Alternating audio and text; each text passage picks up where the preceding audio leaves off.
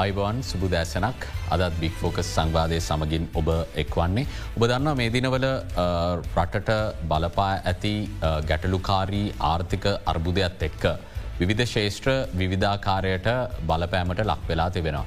අපි පසුගේ කාලය සම්බන්ධයෙන් ආපස්ස හැරිල බලද්දී. එවිදියට වැඩි වශයෙන්ම බලපෑමට ලක් වූ තවත් එක් ප්‍රධාන ශේෂත්‍රයක් තමයි දීවර කර්මාන්තය කියලා කියන්නේ. දීවරන්ගේ දුක් ගැනවිලි අපි දිනපතාම රූපවාහිනය ඔස්සේ අපේ ප්‍රෘති ප්‍රකාශවලින් ඔබට ඉදිරිපත් කලා පැවති යම් යම් අපහසුතා බාණ්ඩ හිංගතාවයන් ඉන්දන ගැටලුව මේ අනාදී ප්‍රශ්න ගැටලු නිසා ඔවුන් විශාල ලෙස පීඩාවට පත්වමින් සිටිය.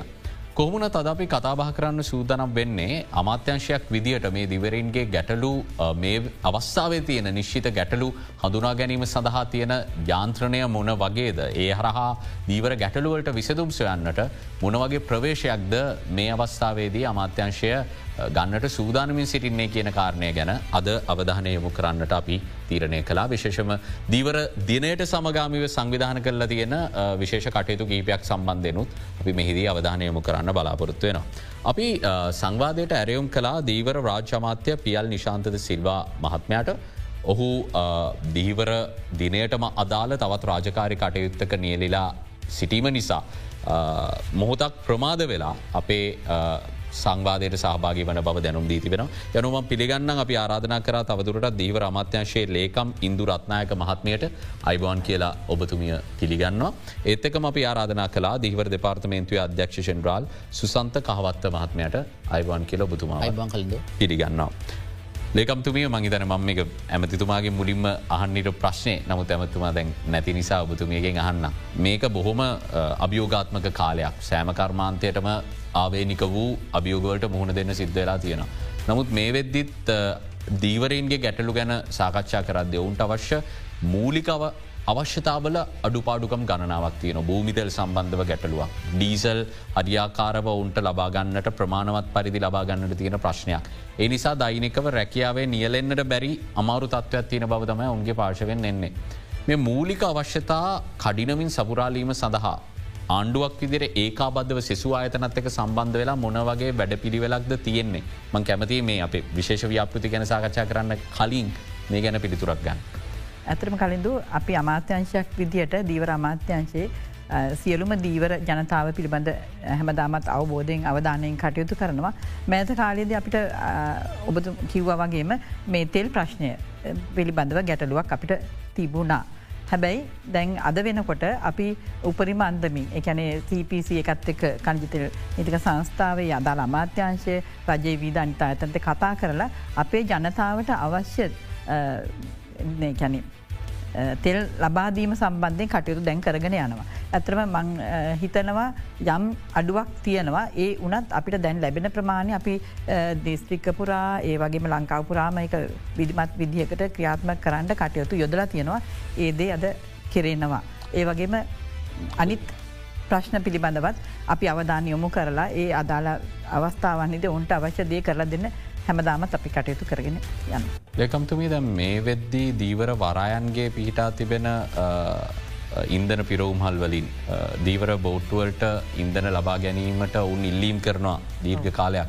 ප්‍රමාණවත් විදිට ඒ කටයුත්තර අවධානයක් යොම වෙලා තියෙනද මොන්න තරම් ප්‍රතිශතයකට අඩුම ගාන වරයන් වලින් දැන් ඉන්දන් ලබාගන්න පුළුවන්ද බෝට්ටුවලින්. ඇතම කඳු මීට පෙර තිබුණ තත්වයට වඩා අද වෙනකොට ඒ තත්වය හොඳ තත්වයකට පත්වෙලා තියෙනවා. අපේ දීවර වරයන් විසි හතරක් තියෙනවා ඒ වරයන් වල ඩීසල් ලබාදීම කරන වරවල් විසි හතරෙම මකද හාම කෝපරේෂන් දීවර නීතිකර සංස් වරයි නීතික සංස්ථාපය යටති තියෙනවා. ඒ වගේම දා හතරක් ආයතන දාහතරකින් භූමිජල් ලබාදීම කරනවා. ඉතින් ඇත්තරම මං හිතන්නේ දැන් අපිට ලැබෙන ඩීසල් ප්‍රමාණය ප්‍රමාණවත් පරිදි ගැන උපරිමයට නැති වනත් ඒ ලැබෙන ප්‍රමාණය අදාලේ බෝට්ුවට ලබාදීමට කටයුතු ක්‍රමවේදය සකස් කරගෙන ගීලා තියෙනවා. අපි දන්න අපේ රතවාහනවලට කෝටා ක්‍රමවේද බොහොම පැහැදිලි. බෝට්ටුවලට කොහොමද දෛනිකව ලබාදෙන් ලීටර් සංඛ්‍යාව නැත එකත් සතිපතාද ලබා දෙන්නේ දෛනික ඒ අවශ්‍යතාවයට දීවර බෝට්ටු සඳ අවශ්‍ය ප්‍රමාණය ලබා දෙන්න කියලපි කියලතින ඒ විදිහට සමයිද කටයුතු කරෙන. ඒ අනුව තවදුරටත් පැහදිලි කරගත්තු ඒකැන ඒ ඒ බෝට්ටුව ඒ දීවර එයා කටයුතු කරන ආකාර ආකාරයක් වෙනස් වෙනවාද. ඒ ආකරතක වෙනස් වෙන මටිඩේ බෝට්ුවට ඒ ප්‍රමාණවත් පරිදිය ලැබෙන එකන අඩු කරලා දෙන්න කියලනේ ඒගොලන්ට ගමනට අවශ්‍ය දීවර යාත්‍රවට අවශ්‍ය තෙල් සම් ලබාදීමට කටයුතු කරගෙන යන. අපිට දල වශයෙන් කියන්න බැයිද සාමාන්‍යයෙන් මොන වගේද කියලා. හරි මයිත අපිලාගේ අධ්‍යක්ෂ ජනරල්තුමත් ඉන්න නිසා අපි එතුමගෙනුත් මේ දත්ත එතුමාට මයිතන යමක් එකතු කරන්න පුලන්න ලබාගන්න පුළුවන්. මම මේ ආන ප්‍රශ්නය එක්ෙක් බෝට්ටු වලට ලබා දෙන්න කියලා තියෙන කෝටාව මොනවගේ කියලා පැහදිලි කරගන්න පුළුවන් අපේ ජනත ඇත්තටම භූමිතෙල් භාවිතා කරන යාත්‍රා කුඩා යාත්‍රාපි පිට තැන්ජිම සයි කරන යාත්‍රාපි අපේ දිත්‍රීක්ක වටේ මුහදේ තියෙන මුහද තියෙන දිස්ත්‍රීක්ක සියල්ලේම බෝට්ටු විසි හදදහක් තියෙනවා. හරි සාමාන්‍යයෙන් මේ දීවර යාත්‍රාවක් තීවරය කරන රැකියාව ඒ ප්‍රදේශයට අනුව කාලෙ කාලෙට වෙනස්සෙනවා. සමහර යාත්‍රා කිලෝමීටර් සීය නායක සතම සී එකසිය පහ දුර ගිල රස්සාවල් කරනවා සමහරයි ළඟ මුද රස්සාවල් කරනවා සමහරයි ලෝන් ලයින් පාවිච්චි කරනවා සමහරයි දැල්. ඒ වගේ ඒ ප්‍රදේශ සහ ඒගොල්ල කරන පිෂරීක අනුව අවශ්‍ය වන ඉන්දන ප්‍රමාණය වෙනස්සෙනවා. සාමාන්‍යයෙන් භූමිතෙල් ලීටර් භූමිතෙල් පාවිච්චි කර යාත්‍රාවක මොකද ඇන්ජින එක කැපැසිටිකක් ධාරිතාවත් වෙන සෝස් පවස් නමේ සිට අපි දෙන්න උපරිම හතලිය. හතලිය දක්වා ඇන්ජින් වල ධාරිතාව සහිත ඇජින් මේ ගොල්ලො පාවිච්චි කරනවා. ඒ අනුව ඉන්දර ලීටර් පහල්වේ සිට එකසිය පණහා දක්වා මේ පරාසයක මේ අයි බෝතෙල් පාවිච්චි කරනවා. මේ වනකොට අපි දීවර දෙපාර්තමේන්තුව මගින් ඉන්දන පිරවුන්හල් එකසිය දහතුනක් මුළු වෙරල කලාපේ මාවරණ වෙසා අපි ලියාපංචි කරගන තියෙනවා ඒ ලියාපංචි කර තියෙන දීව භූමිතෙල් බෙදාහරන්න ඉන්දන පිරවුන්හල් යල්ලගෙන්ම අපි දෛනිකව හැමදාම හිට අවශ්‍යවන ඉන්දන ප්‍රමාණය භූමිතෙල් අද අපි කණ්ජසිල් සංස්ථාවට දැනුම් දෙනවා ඒ අනුව ඒ පිරවුන්හල්ලොල්ට යොමු කරලා ඒ යාමල ඉන්දර ප්‍රමාණය සම්පූර්ණයෙන්ම දීවරය සඳහම ලබා දෙනවා. අපිට යම්කිසි කාලයක් මාසයක් හමරක්වයි කාලයක් භූමිතෙල් සම්පූර්ණයම දීමට හැකියාවක් ලැබුන්නෑ නමුත් අද වෙනකොට අපි අවශ්‍ය ප්‍රමාණයම ඉන්දන භූමිතෙල් ලබාදීම කරනවා. දීසල් ගත්තොත් දීශල් භාවිතා කරන බහුදන දීවර යාත්‍රා පන්දහකට ආසන්න ප්‍රමාණයක් තියෙනවා.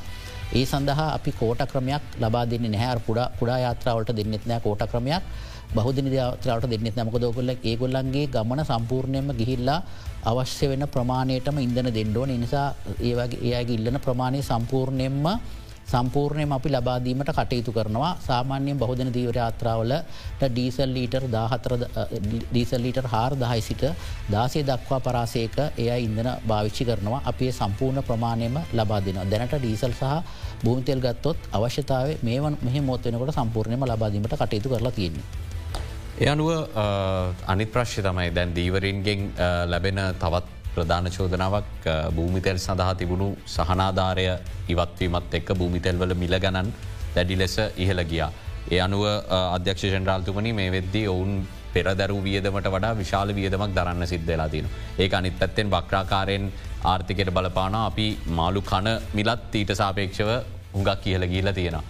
ඔබතුමාලා අතර යම්කිසි සාකච්ඡාවක් තියෙනවද කනිජතෙල් සංස්ථාව සමඟ අමාත්‍යංශය සමඟ මේ දීවර ප්‍රජාව සඳහා හෝ යම්කිසි ආකාරයක මේ පැහැදිලි අනන්‍යතාවේ තහුරු කර ගැනීමකින් පස්සේ සහනදායි ක්‍රමයක් ක්‍රියාත්ම කරන්න පුළුවන් හැකියාව තියෙනවද කියෙන සාකච්ඡාව තියෙනවද. ඇත්ත භූමිතෙල් වල මුල මුලින්ම තිබෙන රුපියල් අසුවේ පස්සේ අසු හත දක්වා ඉහල ගියා. ඊට පස්සේ මේ වනකොට එක තුන්සිය හතලිය දක්වා ඉතාම වේගෙන් ඉහල ගිහින් තියෙන භූමිතෙල්ල මිලගනන් මේ වෙනකොට අපි කංජදෙල් නිතිකත් සංස්ථාවත් එක්ක නිරන්තරයෙන්ම සබඳතාවයක් පවත්තාගෙන යනවා. ඇත්තටම දීවරයොත් මුලින්ම ඉල්ලීම කරේ මිල ගණන් අඩු කරලා දෙන්න කියලා පසුව අවශ්‍ය ප්‍රමාණයට ඉන්දර ලබාදීම කියන ඉල්ලීමත් ඉදිරිපත් කරා. අපි මේ මොහොතේ කණ්ඩතෙල් නිදිගත් සංස්ථාව ප්‍රතිපත්තිමේ තීරණය කරන් තියෙනවා. සෑම මාසයකම දින දෙකකදී පලවෙන්දා සහ පාලොස්සෙන්දා කියන දින දෙකදී සති දෙකට වරක් මිල ගණන් සංශෝධනය කරනවා කියලා Uh, ඉතින් අපි එතනදී uh, එතුමලත් එක කතා කරනකොට ඒ සංස්ථාව නිධාරිතය කතා කරනට මේ මොහොතේ අකණ්ඩව ඉන්දර ලබාදීම කරහි තමයි වැඩි අවධානය කොම් කරලා තියෙන්නේ.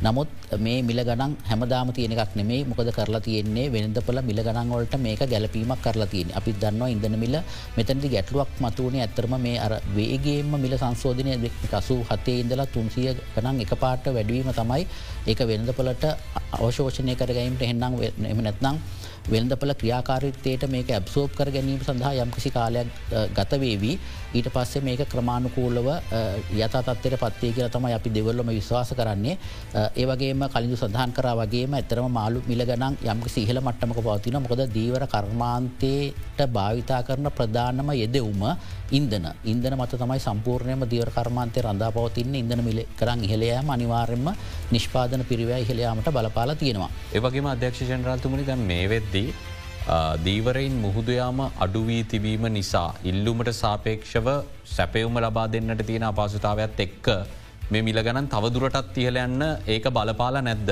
ඔබතුමාල කියන විදියට මේ ඉන්දන ගැටඩුව මේ වෙද්දී ප්‍රතිශතයක් විදිරගත්තොත් අපි සියට අසුවක් විතර විසදිලා දැන් බොහෝ දෙනෙක් මුහුදු යනව කියන සාවරේද ඔබතුමාල දරන්නේ. ඇත්තටම අපි මේ වෙනකොට දීවරයන්ට අවශ්‍ය වන්න ඉන්ද ප්‍රමාණයකැන ඉල්ලුමට සරින සැපයුමක් ලබාදීම තියෙන හැබැයි ඔබතුමා කලින් සඳහන් කර වගේම දීවරයෝ මේ යම්කිසි අඩුවීමක් අපි නිරීක්ෂණය කරනවා මුහදට යෑම. හැබැයි ඒකට ඉන්දන මිල්ලම පමණක් නෙමේ පහුගේ කාල දිගටම මේ මාසක හමරක් වගේ කාල ඇතුළම දිග තිබුණේ අයහපත් කාලගුණ තත්වයක් එවැනි අවස්ථාවලදී දීවරයෝ මුහදරයන ප්‍රමාණය යම් ප්‍රමාණයක් අඩු කරලා තියෙන හැබැයි දැන් අපව යතත්වයට පත්වෙලා තියෙන කොහොමත් මේ කාලය තමයි ලබනවරු අවුරුද්දේ මාර්තු දක්වා කාලසීමාව තමයි මස්සස්සයන්න ඉහළම ප්‍රමාණයකට එන කාලසීමාව මේ කාලේ දීවර අනිවාර්යම කාලගුණ යහපත්වීමත් එක මංස්තන මේ දැන් වෙනකොට යතතත්වයට කඩිමෙන් පත්තේවි මොකද මේ කාලේ තමයි දීවරයන්ට වැඩි ආදායමක් ලබා ගැනීමට පුළුවන්. කාලසීමාව. අධ්‍යක්ෂෂන් රන්තුමනි යනු අපිට ඉදිරියේදී මත්්‍ය අස්වන්න ඔබතුමා කියනවගේ වැඩි කාලයක් වන නිසා. යම්කිසි ආකාරයක මිල ගණන් අඩුවීමක් අපිට පුරෝකතනය කරන්න හැකියාව තියෙනවා නේද. මෙහෙමයි කලින්ඳු අපිට මං පොඩි පැහැදිලි කිරීමක් ඒ ගැන කරන්නම් මොකද අපිට අවශ්‍ය වෙනවා අපේ දේශය දීවර කර්මාන්තය රැක ගැනීම සඳහා. අපි දිනවල ආනයන සඳහත් දැඩි සීම පනවමින් පවතිනවා අපිට මාලු මිල ගණන් අඩු කරන්නට පුළුවන් වෙන්නේ යම් කිසි සීමාවත් දක්වා පමණයි. මොකද දීවරයාට අවම වශයෙන් ඔහුගේ දෛනිකව යන වියදම් ප්‍රමාණය සම්පූර්ණ කරගන යම් කිසි ලාභ ප්‍රසතයකුත් ලබා ගැනීමට අවශ්‍ය එහෙම නැතුගයොත් මේ කර්මාන්තයගේ අනාගතය පිළිබඳ ගැටලුවක් තියෙනවා. ඒ නිසාපි අපිට අඩු කරන්නට පුළුවන් වෙන්නේ යම්කිසි මට්ටමක් දක්වා පමණයි මොකද මේ වෙනකොට ඉන්දනට අමතරව ඉන්දනවලට අමතරව අනිකෝ සියලුම දීවර නිෂ්පාදනයට අදාළ යෙදුම් මිල ගනන්ද මේ විනිම අනුපාත සහ වෙනත් ආනයන තත්වයන් මත ඉහල ගිහින් තියෙන්නේ එනිසා නිෂ්පාදන පිරිවෑ ඉහල මට්ටමක තියෙනවා එනිසාපි තේරුම් ගන්නට ඕනේ මේ මිල ගනම් මාල මිල ගනොත් අඩු කරන්න පුළුව වෙන්නේ යම්කිසි සීමාවත් දක්වා පමණයි. ඒ නිසා මේ අනිකුත් එදෙවුම්වල මිලගනන් යම්කිසි මට්ටමකට අඩුවෙන තුරු අපිට ගොඩක් මාළු මිල අඩු කිරීමේ හැකියාවක් නැහැ. ලේකම්තුමි දැන් ඔය එතුමා සඳහන් කරන කාරණය වෙළඳපොල ක්‍රියාකාරිත්වයත් එක්ක අනිත් පැත්තරත් බලපාන් නැද්ද කියන ප්‍රශ්ය මංආන උත්සා කරන්න. දැන් සමීක්ෂණ කරද්දී ඇතැම් රාජායතන වගේම රාජ්‍ය නොවනා ඇතන හෙළිබිමෙන් තියෙන්නේ. බොහෝ අය මස් සහ මාලු පරිභෝජනය නිවත්වමින් තියනවා. අධික මිල ගණන්න එක්ක මොකද ඒක පරිභෝජනය කරන්න අපහසුයි ජනතාවට. ඒත් එක්ක මේ දැඩි මිල ගණන්න එක්ක මාලු විකිනෙන්නේ නැත්තං අනිත් පැත්තේ එකත් දීවර ප්‍රජාවට බලපාන්නට තියෙනවා. ඒ අනුව මේක මැද තැනකට පාරිභෝගිකයා සහ දීවරයා යන දෙපාර්ශවයටම මහිතන සාධාරණ තැනකට එන්න පුළුවන් විදිට මිල වෙනස්වීමක් අපට අපේක්ෂා කරන්න බැරි ඔබතුම විශ්වාසගන විදිර. ඇතරම ඔබ කිව්ව වගේ දැන් අපිට දීවර ජනසාාව පැත්තෙන් බලන්නත් ඕන ඒ වගේ පාරිභෝගික පැත්තෙන් බලන්නත් ඕනේ. අපේ මධ්‍යම වෙළඳ මධ්‍යස්ථානය තියෙනවා පෑලියකට මාකට් එක. එතනදිත් තොග වශයෙන් මාලු ලබාදීම කරනවා හැබැයි මිල යම් කිසි පාලනයකින් කරගන්න කටයුතු කරගෙන යනවා. ඒ වගේම අපේ ආයතන යටතේ දීවර සංස්ථාව තියෙනවනි දීවර සංස්ථාවත් අපේ මත චට. එතුකොට පාරිභෝගයට අවම මිලකට අවම කියන්නේ යම් කිසි සාධාරණ මිලකට බෙදාහැරීමට අවශ්‍ය කටයුතු අප සම්බන්ධය කරලා තියෙනවා. ඒ වගේ බෙදාහැරීම සතු සහරහා ඒ වගේම ජනතාවට ළඟාකර ගැනීමට අවශ්‍ය පහසුකම්ටි අපි ලබලදීලා තියෙනවා. ඉතින් ඇත්තට මර කිව වගේ මිල යංතා දුරකට අපේ ආයතන මගින් පාලනයකින් යුතුව ලබා දෙන්නට අවශ්‍ය කටයුතු කරන්න කටයුතු කරගන්න. ලෙගමතුමේ දැන් මේ තියෙන ප්‍රශ්්‍ය ගණනාවත් එක්ක මංහිතන්නේ අපි මතු පිටින් බලන්නට වඩා දීවර ප්‍රජාව මුහුණ දෙන ගැටලු ගණනාවක් තියෙන ඔන්ගේ පවුල් මුහුණ දෙන ගැටලු ගණනාවක් තියෙනවා. මම අධ්‍යනය කරා ඔබතුමීලා සිදුකරගෙන යන ව්‍යාපෘතිය මේ දිනවල දල රල සවිය කියන ව්‍යාපෘතිය. මේ ගැන කතාකරොත් මංහිතන මේ වෙද්දී එකොලොස්වනිදා ඒවගේම අද දිනේ ඒ යනාදි වශයෙන් වැඩ සටහන් ඉස්සරට යනවා. මොකක්ද මෙහි අපේක්ෂාව? මේ හරහා පලවෙනි එකොළොස්වනිද පැවති වැඩසටහනේදී මොනාද ඔබතුමිලා අලුතෙන් හඳුනාගත ප්‍රශ්න ගැටලු. දීවර ජනතා මුණ දෙෙන. ඇතර ම පොඩ්ඩක් මේ ගැන පැදිලි කරන්න අපි ලෝක දීවර දිනය විසිෙක්වෙන්දට යෙදිලා තියෙනවා. ඒ සම්බන්ධයෙන් අපට පහුගේ අවුරුදුවල අපිට මේ පවත්ත ගන්න බැරි වුණා. යම්කිසි තිබුණ නිසා. හැබැයි අපි දීවර ජනතාව ගැන අපි අවධාන යොමු කරගෙන සිටිනවා කියන එකත් අපේ ඒ සම්බන්ධය කටු කරගෙන නට අපි මේ දීවර දිනය තේමා කරගෙන සතියක කාලයක් පුරා අපි මේ කටයුතු කරන්න යෝජනා කරගෙන තිබුණ. බේරුවල් ප්‍රදේශ තමන්ට තෝරගත්තේ මේ පලවෙනි අවස්ථාවේ. එතකට එකොලොස් සෙන්දා සිට එකොලොස් සෙන්ද අපි ජන හමුවක් එකන දීවර ජනත හම්බ වනා මුණ ගැවන ගලගේ ගැටලු තියෙන මොනාද කෙනෙක බැලවා. ඊට පසේ අපේ බෝටු ලියා පදිංචි කිරීම දීවරයන් සඳහා හැඳනු පත් ලබාදීම ඒ වගේම එගලන් කෝල් සයින් ඒ සම්බන්ධ තියන ගැටලු මොනවද? බෝට්ටු ආශ්‍රිතව ඒගොලට පැන්නගලතින ගැට සංඥා පද්ධති ප්‍රශ්න පිළිබඳව. ඒ වගේම දැන් බැංකුව සම් ලංකා බැංකු අපිතික සම්බන්ධන මොකද මේ ගොලන්ගේ අවශ්‍යතාවට කොහොමද ලබා දෙන්න කියන එක. ඒවගේ ගැටලු සම්බන් කාන්තාවන් මුණ දෙන්න ගැටලු තිබුණ.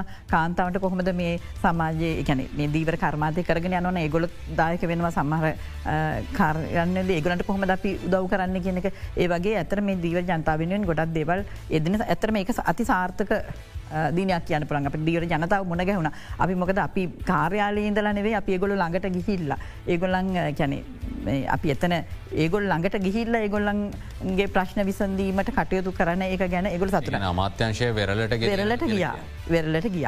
ඒගොල ළඟට ගිය. අප ආයතන සියලු ආයතනවල අපේ ප්‍රධානී ඒ වගේ අදාල නිල්ධාන සියලු දෙන ඇතරම මත් ලේකම්තුමිය විදිහට ම සතුරියන අපේ නිලධාරීන් හොඳ කැපවීමකින් යුතුව ඒ කර්තාවියද කර. ඒ වගේ මේ දීවට ජනතාවත් ඒ සම්බන්ධෙන් සතුට වුණා ඇතරම ඒදී වහම අවධානය යොමුවිය යුතු දේවල් විදිර මොනාද අඳුරග අපි අතර මේ දීවරයා සුරක්ෂිත දීවර ජනතාවක් සඳහා කටයුතු කරනවා කියන එක අපේ තේමාව තියෙන් ඒ වගේ ඒ අයගේ මුණ දෙන ගැටලු. ඒ වගේ ගැනෙ අනාගත සුරක්ෂිත කරන්න ගොල්ලන්ගේ තියෙන මොනාද කියනක එකට අපි ඒ සඳහා වැඩ පිළ සකස් කරලතින විශ්වාම් බැටු ක්‍රමයක්. එතුර මේ දීවර ජනතාවගේ එදිනෙදා මූුණ දෙන ගැටලුනත් ඒ ළමයින් මූුණ දෙන ගැටලු කොහොම දේගොලගේ අධ්‍යාපන කටයුතු කරගෙන යන්නේ? ඒ වගේ දේවල්ලට අධ්‍යාපන අධ්‍ය අපි අවධාන යොමු කර. ඒවගේ ඇත්තරම කියනවා මේ දීවර කර්මාන්තය රිස්ක එකක් තියෙන එක අවධානන් සහිත කාරයක් එතනදී දීවරයා ආරක්ෂා කරගන්න කොහොමද කියනකට රක්ෂණ ක්‍රමයක් හඳුන්නලා දෙනවා. ඉති ඇතරම ඒ සම්බන්ධෙන් ඒ ඒගොල සතුටු වෙනවා වගේම අපි ඒදේ නිරන්තරයෙන් දීවර ජනතාවගේ ආරක්ෂිත අනාගතයක් බිහි කරන්න මූලි අඩිතාලමක් වගේ දැම්ම කෙ තනපුල මේ කටයුතු තුනක් අපි ප්‍රධාන වශයෙන්ම කටයුතු කරන්න ආරම්භ කරලා මේ දින වෙනුවෙන් දීවර ජනතාව වෙනුවෙන් කටතු කරන්න ඇසි කරන තියෙන. අධ්‍යක්ෂ ජනරල්තුමා ඔබතුමාටත් ඒ ප්‍රශ්නයම මං යොමු කරනවා නම් මේ ව්‍යාපෘතිය තුළින් තියෙන අරමුණු සහ ඒ අවසාන දිනේදී හඳුනාගත්ත ප්‍රධාන ගැටලු සහයවට තියෙන විසිදුම් ගැන අපි කතා කරු. මෙහෙමයි ඇත්තරම දීවර රැකියාව කියන්න යම්කිසි අවධානමක් සහිත රැකියාවක් මහමුහදේ කරන රැකියාව එතනදී දීවරයා දීවරගේ බිරින්ද ඒ වගේම දීවරයන්ගේ දරුව කියන මේ මුළු පවුල් ඒකකේම සුරක්ෂිතාව කරෙහි තමයි අපි අවධානය යොමු කරලා තියෙන්නේ. මෙතන රිජදීවරයෝ ලක්ෂ දෙකට වඩා වැඩි ප්‍රමාණයක් ඉන්නවා. ඒ වගේම සම්පූර්ණ කර්මාන්තය ගත්තෝ දීවර කර්මාන්තයේම මිලියනයකට ආසන්න ප්‍රමාණයක් ඉන්නවා. අපි මෙතනදී මේ මුළු කර්මාන්තයේදී සිටින සියලුම පිරිස් ආවරණය කිරීමටයි අපේක්ෂාව කරන්නේ. විශේෂයෙන්ම අපි දැක්කදේ තමයි අපි දීවර ප්‍රජාවතරට යද්දිත් සාමාන්‍යයෙන් වසරකට විවිධ හේතු මත මහමුහදේදී දීවරය හදිසි අනතුරෝලින් විස්සකට ආසන්න ප්‍රමාණයක් මිය යනවා. මේ වගේ මියගිය අවස්ථාවලදී දීවරයන්ගේ දරුව ඉතා මසර තත්වයට පත්වෙනවා අධ්‍යාපන කටයුතු අඩාලවින් අපි නිරීක්ෂණය කරලා තියෙනවා. ඒ වගේම බොහෝ දීවර පවුල්වල දීවර කාන්තාව රැකයා විරහිත ඉන්න. මොකද දීවරයා මහමෝදේ සති හතර පහ කාලයක් ගත කරනකොට පවුල්ලේ කටයුතු සියල්ලම බලාගන්න දීවරයා. ඒ නිසා දීවරයා මියගිය අවස්ථාවකදී මුළු පවුලම අසරණ බවට පත්වෙනවා. දරුවන්ගේ අනාගතය අධ්‍යාපන කටයුතු අඩාල වෙනවා. අපිට අවශ්‍යවලා තියෙන්නේ මෙන්න මේ තත්ත්වය වලක්වාගෙන මේ මුළු කර්මාන්තයේදී සිටින සියලුම පිරිස සුරක්ෂිත කිරීමටයි. ඒ අනුව තමයි අපි ශ්‍රී ලංකා රක්ෂණ සංස්ථාව සමගේ එකබද්ධව නවරක්ෂණ ක්‍රමයකුත් ලංකා බැංකු සමගේ එකබද්ධව ළමයිතිර කිරීම ගිනමකුත් සහ කෘෂිරක්ෂණ මණ්ඩලේ සමඟ ඒක අබද්ධව දීවර විශ්‍රාමටු ක්‍රමයකුත් කියන තුන එක්වර එක යෝජනා ක්‍රමයක් විදිර ක්‍රියාත්ම කිරීමට බලාපොරොත්තු වෙන්නේ. මෙහිදී විශ්‍රාමටපු ගැන සඳහන් මොකද මෙතනදී මේක ඇත්තරම අපි කලින් සඳහන් කරා වගේ පරමාර්ථ කීපයක් තියෙන මොකද අපි දන්නවා දීවර ප්‍රජාව තුළ අපි දකින දෙයක් තමයි විදිමත් මූල්‍ය පද්ධතිය තුළ මේ දීවරයක් නැහැ.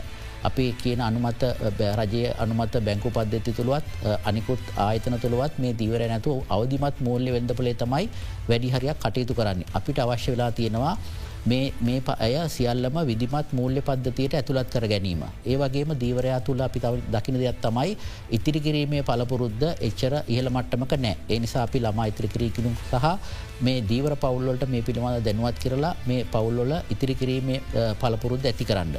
ඒ වගේම හදිසි අනතුරකදී ළමයාගේ අධ්‍යාපන කටයුතු බාධාවකින් තොරව ඉදිරියට කරයෑම සඳහා විදිමත් වැඩ පිළිවෙලා. ඒ වගේම තමයි දීවර කාන්තාව දීවරය කදිසිය අහිමුණොත් එහෙම ඒ දීවර කාන්තාවට සිය පවුල රැක ගැනීම සඳහා සුරක්ෂිත තත්ත්වයක් ඇති කිරීම. සහ අවසාන වශයෙන් අවශාන වසයෙන් මේ සිය තරුණ කාලය මහමුහදට කැපකරපු මේ දීවරයාට සිය විශ්‍රාම කාලය බාධාවකින් තොරව ගෙනයාම මෙන්න මේ කියන අරමුණ ඔක්කොම ඒකා බද්ධව තමයි අපි මේ වැඩ පිළිවල සකස් කරලා තියෙන්නේ. අපිට කෙටි විරාමයකට යන්න අවශ්‍යය විරාමයකින් පසුව අපි ඉක්මනින්ම හමුවෙන්.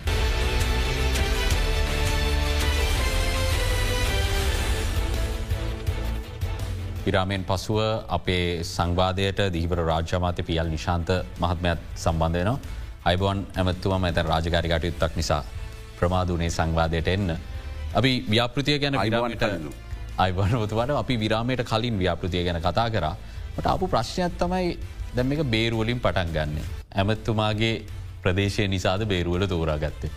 ඊට අමතරව රට ලොකු ප්‍රශ්නක තියෙන වෙලාවේ මේ වගේ ව්‍යාපෘතියකට සල්ලි කොහොමද වියදන් කරන්නේ මොකද වියදම් කප්පාදුව ගැන කතා කරන්නේ කලින්දු මං ඉස්සෙල්ලා මේ ගොඩක් ස්තුතිවන්තයනවා දෙරන මාධ්‍යජාලයට.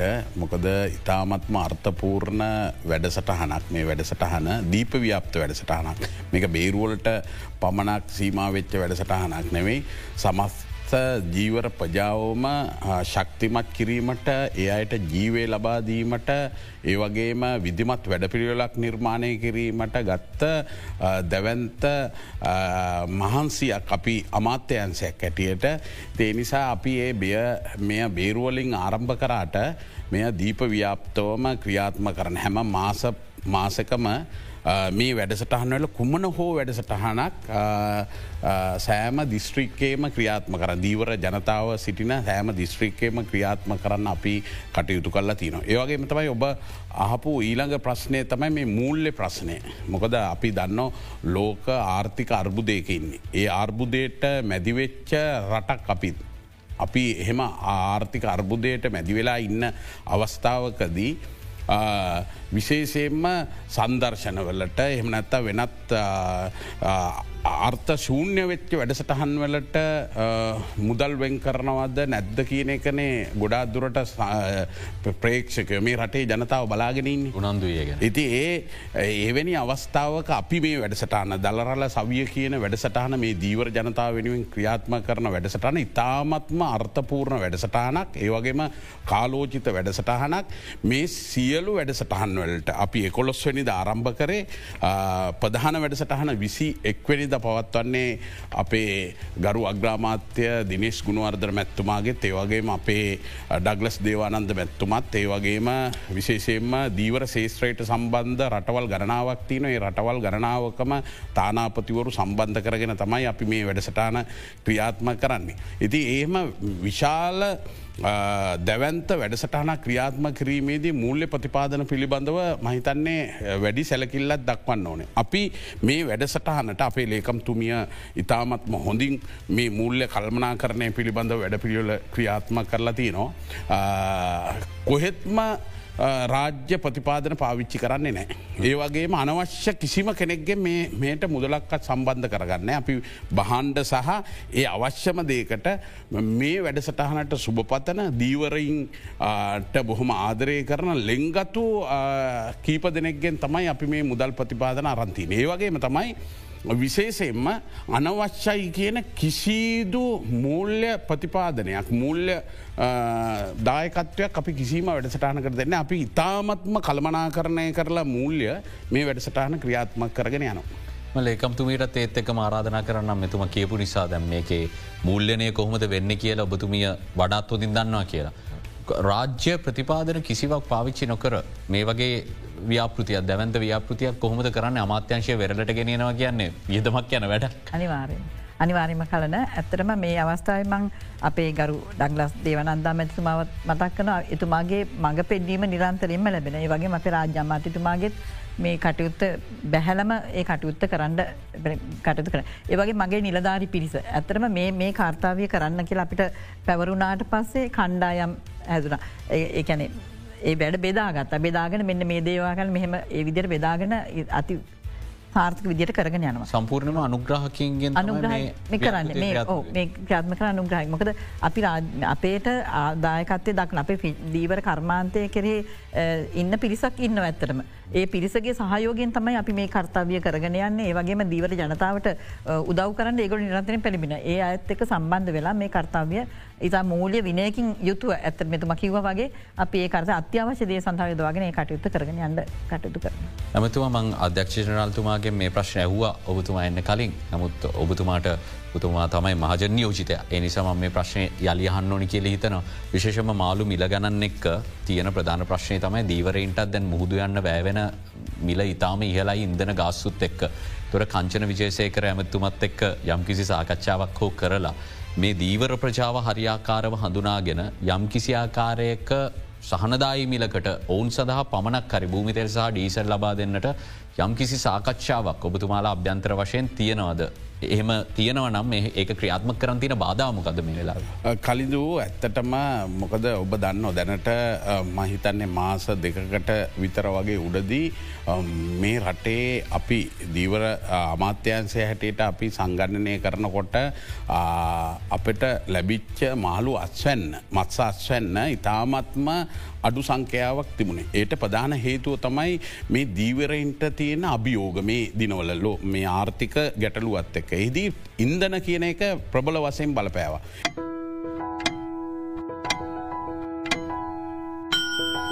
මිල කළ නොහැකි පාරම්පරික ගුණ සමුදායකින් යුත් ස්වදේශී කොහොඹ.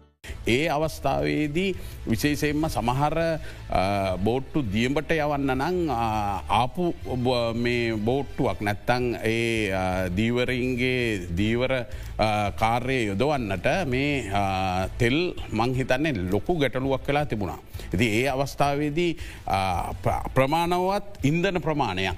ඒ දීවරින්ට ලබා දෙන්නට හැකියාව ලැබුණේ අපේ ගරු ඇමැත්තුමාගේ මූලිකත්වය ඇත්තේ විශේෂෙන්ම අධ්‍යක්ෂක ජනරල් තුමාගේ කැපවීමත් එක්ක අපි සීලු දෙනා එකට එකතු වෙලා මුලින්ම කරේ මේ දීවරීන්ට අවශ්‍ය අවශ්‍ය ඉන්දන ප්‍රමාණය ලබාදීම.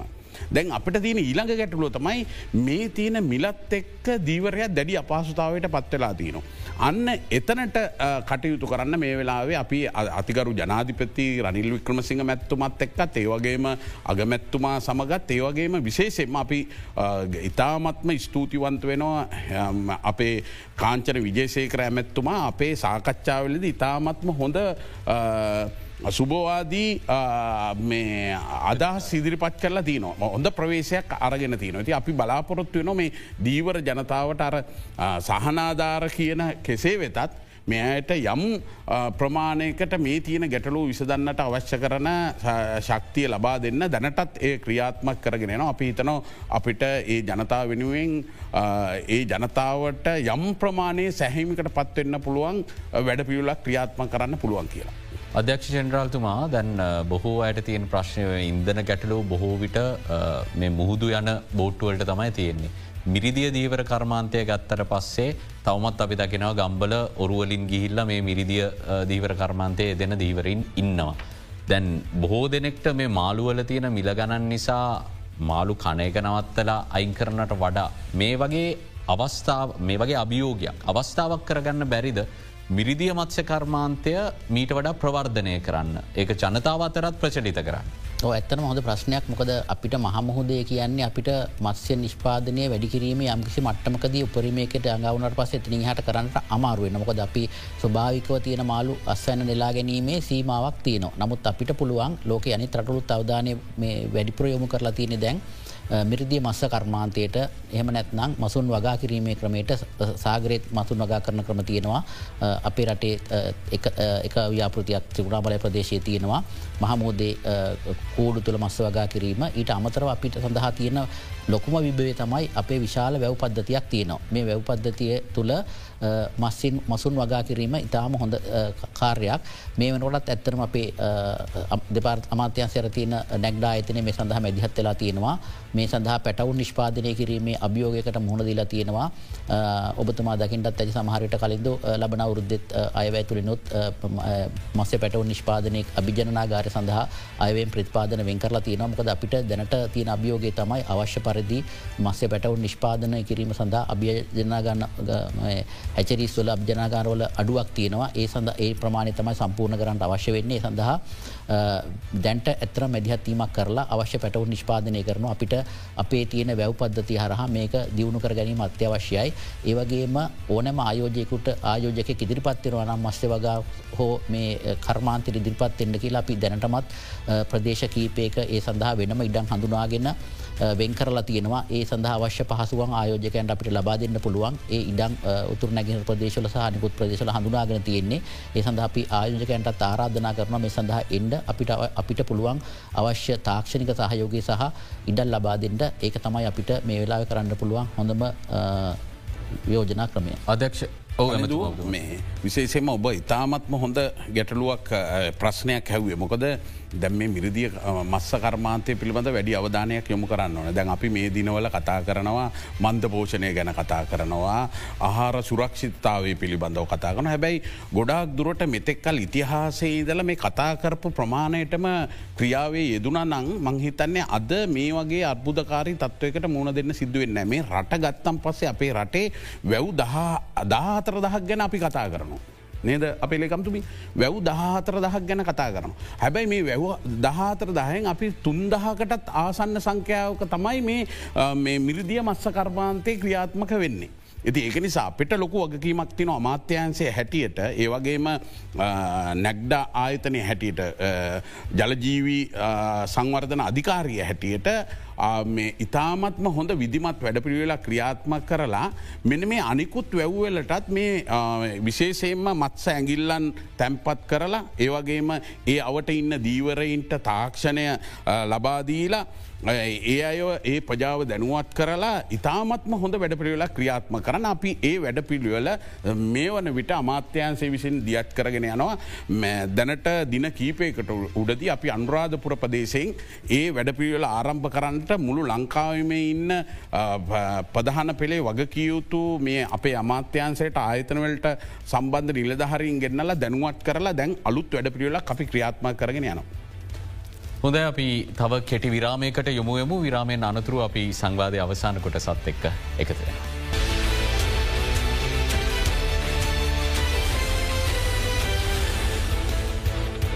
යළිත් බික් ෆෝකස් ඇමැත්තුමා මේ ව්‍යාපෘතිය ගැන අවධානය යොමු කරද්දී විසි එක්වනදා අවසාන දිනය දීවර දිනේ විදියට ඔබතුමාලා මේ ව්‍යාපෘතිය ක්‍රියාත්ම කරන ඔබතුමා කිව්වා බේරුවලින් නොනැවති මුළු රටපුරාම මේ ගෙනියනවා කියලා. මේ ව්‍යාපෘතියේ අනාගතය සහ ඒ හරහා සාක්ෂාත් කරගන්න බලාපොරොත්තුවෙන අරමුණු ගැන තවදුරටත් පැදිලි කරන්න කියලම ආරාධන කරනවා. විශේෂෙන්ම මෙම වැඩසටහන අපි මේ වැඩසටහනත් එක්ක බලාපොරොත්තු වෙන්නේ දීවර ප්‍රධාන වසයෙන්ම දීවර ජනතාව අමාත්‍යන්සයට ගෙන්න්න ගන්නවට වඩා අපි දීවර අමාත්‍යන්සේ හැටියට ජනතාව සමීපයට යන්න. ගම සමඟ පිළිසඳර වගේ. ගම සමඟ පිළිසඳරට වඩා මංහිතන හත් පසිම වෙනස්. මොකොද පිළිසඳරවල් ක්‍රියාත්ම කරනට අපි ක්‍රියාත්මකම වැඩ පිළිවෙලක් තමයි අරගෙන යන්නේ. සජීවී වැඩසටාන ප්‍රශ්ටයන අහන්නේ ගහන්න ඇතු ඊළඟට වැවටයි ඒ වගේම අපි වෙරලටයිත් යන්න තමයි මේ වැඩසටහන ආරම්භ කර. ඒ වගේම තමයි මේ දීවර රැකියාව ගැන්නේ වැඩි අවධානමක් තියෙන රැකියාව. මේ අවධානම තියෙන රැකියාවේ යෙදෙන දීවර කාර්මික මේ දීවර ජනතාව දැඩි අපහසුතාවයකට පත්වෙලාතන. විශේෂෙන්ම දීවර ජනතාවගේ සුභසාධනය පැත්ත දීවර ජනතාවගේ දරුවන්ගේ අධ්‍යාපනය පිළිබඳව දීවර කාන්තාවන්ගේ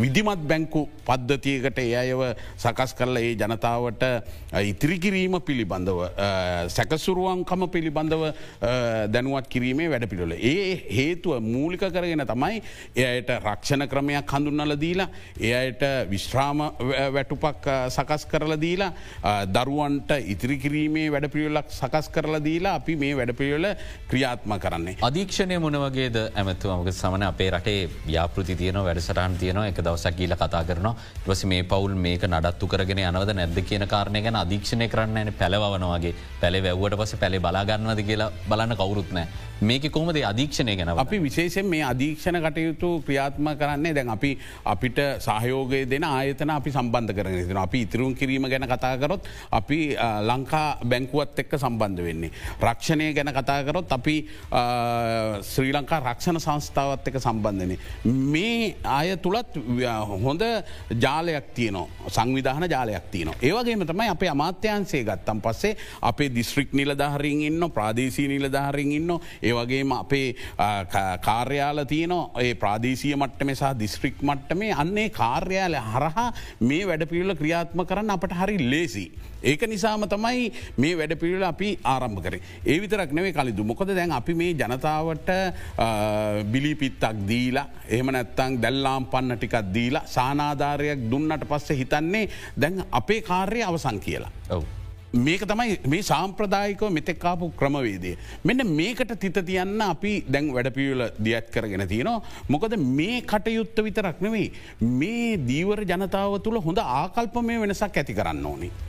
ඒ ආකල්ප මේ වෙනස ඇති කරන්න. ඒ නිසාම තමයි අපි විශේෂයෙන්ම මේ දිරිය දීවර අම්මා කියන වැඩසටහන ක්‍රියාත්ම කරන්න මේ වැඩසටාන සෞන්දර්යාත්මක සංවාදශීලී විද්වත් කතිකාවන්. මේ තුළ මද්‍රව්‍ය පිළිබඳව කතා කරන අම්ම තාත්තගේ තියෙන ගුණේ ගැන කතා කරන දැනට තියන ගොල්ලොන්ට තියෙන අභියෝග පිළිබඳව කතා කරන විශේෂයෙන්ම යහපත් දෙමවපියෝ භාවය පිළිබඳව. මවපිය භාවය පිළිබඳව කතා කරන. මේ වගේ විවිධ වැඩසටහන් එක්ක තමයි අපි දීවර ජනතාව සමීපයට යන්නේ සටහන හරිටම කවද ආරම්භ වෙන්නේ. ඒ වැඩසටහනත් විසි එක්වනිදා උදේ තියෙන්නේ අපේ ප්‍රධාන වැඩසටහන අපේ ගරු ආග්‍රාමාත්‍යතුමාගේ ප්‍රධානත්වයෙන් උදේ දහයේ සිට දොල්හා දක්වා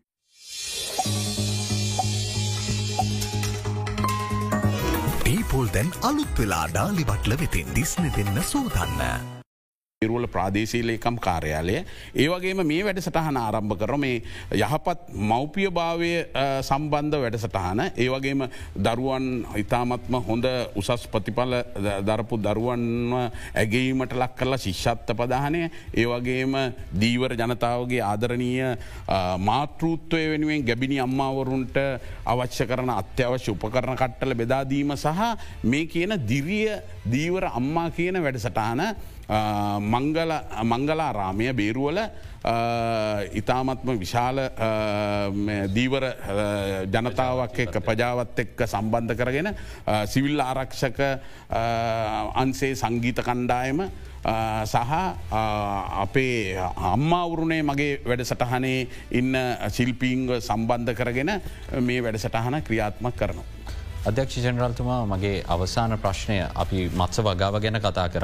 අපි ඇතැම් ස්ථානවල වෙබ් අඩවිවල වාර්තා වෙලා තියෙනවා දැක්කා බොහෝ පාර්ශව කියනවා.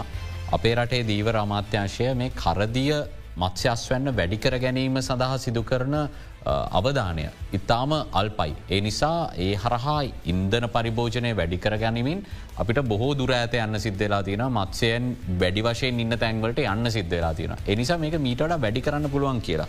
ඒ චෝදනාවට එකඟ වෙනවද ඔබතුම නෑ මොකද එහෙම කරන්න බැරි අපි ශ්‍රී ලංකා වගේම මේ දීවර කර්මාන්තය එදී සිටින අනිකුත් සෑම රටවල් ම එකතු වෙලා හදාගත්ත සංවිධාන තියනවා. අපේ ප්‍රදේශය තියෙන්නේ ඉන්දයානු සාගර ටූන කොමිසන් සභාව.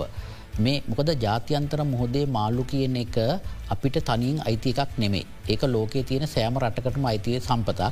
ඒ නිසා මේ සම්පත විදිමත්ව කළමනා කරණය කරලා පාරිභෝජනය සඳහා මස්සයෙන් අස්සන්න කොච්චර ප්‍රමාණයක් ගන්නවාද කියනක පිළිබඳව මේ ජාත්‍යන්තර සියලු සංවිධානත් එක්ක එකඟ වෙලා තමා කටයුතු කරන්න කටයුතු කරන්නේ. එනිසා අපිට අවශ්‍ය තරං දීවර යාත්‍රා එදීම හෝ එහම නැත්නම් අපිට කැමති විදිහේ උපක්‍රම දැල් උපාවිච්චි කරලා මාළු අල්ලීම සඳහා අවස්ථාවක් දැන් නැහැ.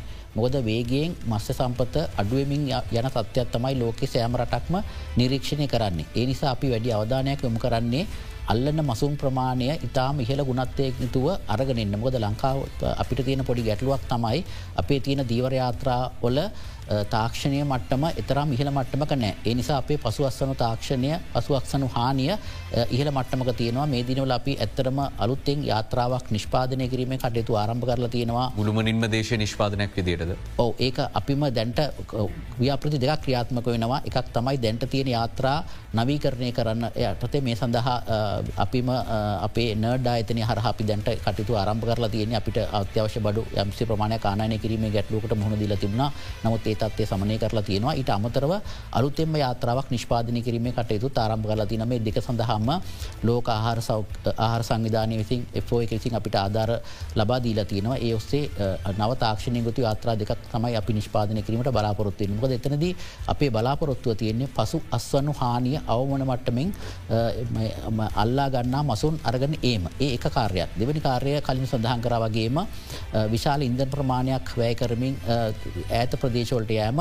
ඒකට හේතුවකුත් තියෙන මොකද අපි ඒ බහුදන දේවරයාත්‍රා ප්‍රධාන වශයෙන්ම අපනයන ඉලක්ක කරගත්ත ටූ නමස්ස කර්මාන්තය තමයි දෙන්නේ. නිසාය ගොල්ලො ටූ නමස්ස බිම් හොයාගෙන යනවා. හැබැයි අපි මේ වනකොට ඒ මස්සේ බිම් පිළිබඳ ප්‍රෝකතන දත්ත ලබාදීම සඳහා ක්‍රමේදයක් ආරම්භ කරලා තියෙනවා.